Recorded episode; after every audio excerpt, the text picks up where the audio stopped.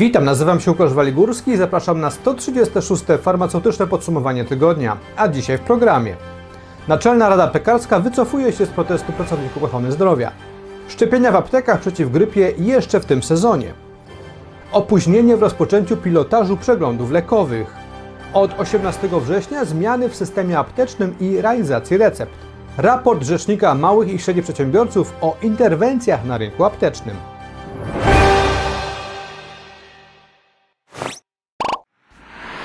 Partnerem programu jest portal leki.pl, rzetelne źródło informacji o leku dla Ciebie i Twojego pacjenta.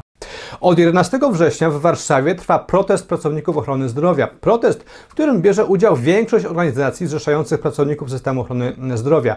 Nie bierze w nim udziału jednak Naczelna Rada Aptekarska, która tydzień przed rozpoczęciem protestu podjęła uchwałę, w której wyjaśniła przyczyny takiej właśnie decyzji. W tej uchwale możemy przeczytać m.in., że mając na uwadze wszelkie istniejące okoliczności i uwarunkowania, a przede wszystkim skalę zaangażowania i zainteresowania środowiska farmaceutów szpitalnych planowaną formą protestu, Naczelna Rada Aptekarska uznaje, że nie posiada legitymacji do dostatecznego uzasadnienia do podjęcia tak radykalnych działań, które niewątpliwie mogłyby być interpretowane w sposób wypaczający motywy i zamierzenia środowiska farmaceutów.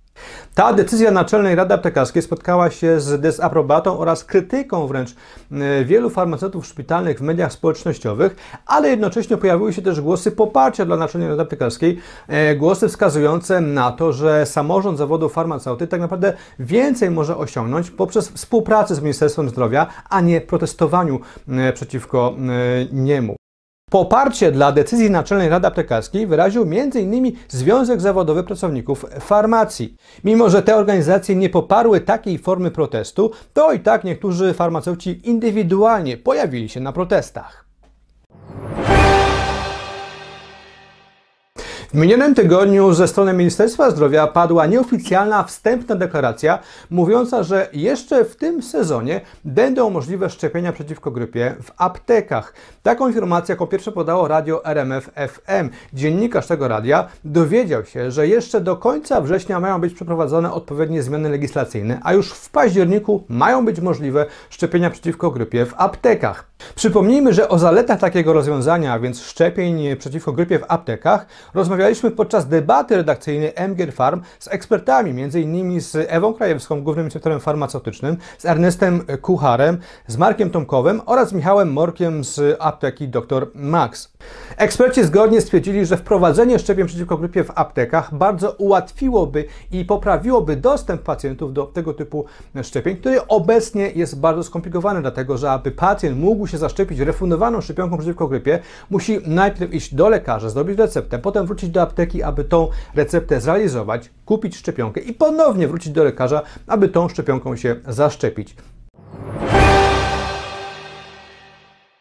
20 września w życie miało wejść rozporządzenie ministra zdrowia w sprawie pilotażu przeglądów lekowych. Wiadomo jednak, że tak się nie stanie. A to dlatego, że w trakcie konsultacji publicznych tego projektu wpłynęło do niego bardzo wiele uwag. W minionym tygodniu zapytaliśmy Ministerstwo Zdrowia, ile było tych uwag i czy wpłynie to na przesunięcie właśnie tego terminu wejścia w życie rozporządzenia.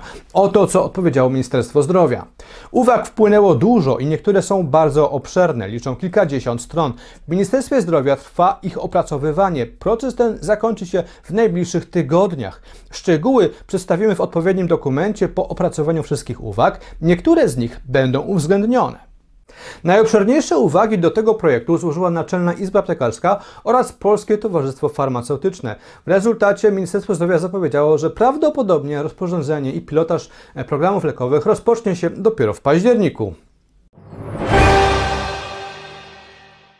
W weekend 18 i 19 września zajdą w systemach aptecznych oraz w aptekach e, pewne zmiany, na które farmaceuci powinni się już przygotować. A to dlatego, że w ten weekend są zaplanowane dwie duże zmiany. Pierwsza z nich to modernizacja systemu aptecznego firmy Campsoft, o którym firma poinformowała już tydzień e, temu. W rezultacie w ten najbliższy weekend mogą nie działać pewne funkcje e, Campsoftu. O szczegółach i o tym, jakie to będą funkcje, można się dowiedzieć z artykułu na ten temat w portalu portalu mgr.farm. Natomiast kolejną dużą zmianą jest zmiana szykowana przez Centrum E-Zdrowia. Otóż e, w najbliższy weekend zostanie zmieniona jedna z reguł walidacyjnych, e, w wyniku której to, co do tej pory było ostrzeżeniem, po tym weekendzie będzie już błędem. A chodzi o regułę walidacyjną, która dotyczy dokumentu recepty, anulowania recepty oraz dokumentu realizacji recepty. Reguła ta sprawdza m.in. zgodność podanych w dokumencie danych, e, to jest PESEL, imię, nazwisko, datę urodzenia oraz płeć z danymi pochodzącymi z rejestru PESEL. Więcej o tej zmianie można oczywiście przeczytać na stronie Centrum E-Zdrowia oraz e-zdrowie.gov.pl, ale także oczywiście na portalu mgr.farm, do czego serdecznie zachęcam. W minionym tygodniu Rzecznik Małych i Średnich Przedsiębiorców opublikował swój raport dotyczący interwencji tego rzecznika na rynku aptecznym. Z tego raportu wynika m.in., że wszystkie interwencje podejmowane przez rzecznika można podzielić na trzy grupy, bo dotyczą one trzech określonych rodzajów spraw.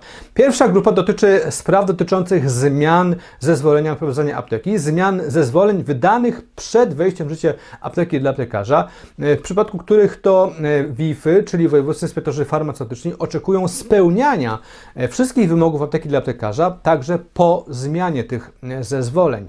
Drugą grupę spraw stanowiły sprawy dotyczące franczyzy aptecznej i sytuacji, gdy WIF uznawał, że dana franczyza stanowi wejście apteki w grupę kapitałową, w rezultacie cofał zezwolenia lub uniemożliwiał ich zmianę ze względu na przekroczenie limitów koncentracyjnych.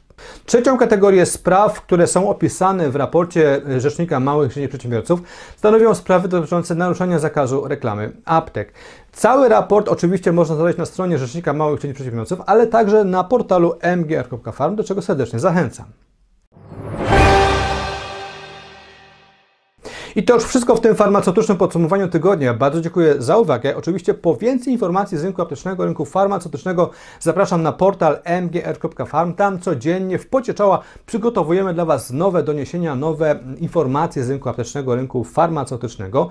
Zachęcam też tradycyjnie do prenumeraty naszego magazynu, dwumiesięcznika mgr.farm, który jest największym tego typu czasopismem w Polsce dla farmaceutów, a za jego roczną drukowaną prenumeratę można zyskać nawet 12 punktów edukacyjnych. Bardzo dziękuję za uwagę i zapraszam na kolejne farmaceutyczne podsumowanie tygodnia już za tydzień.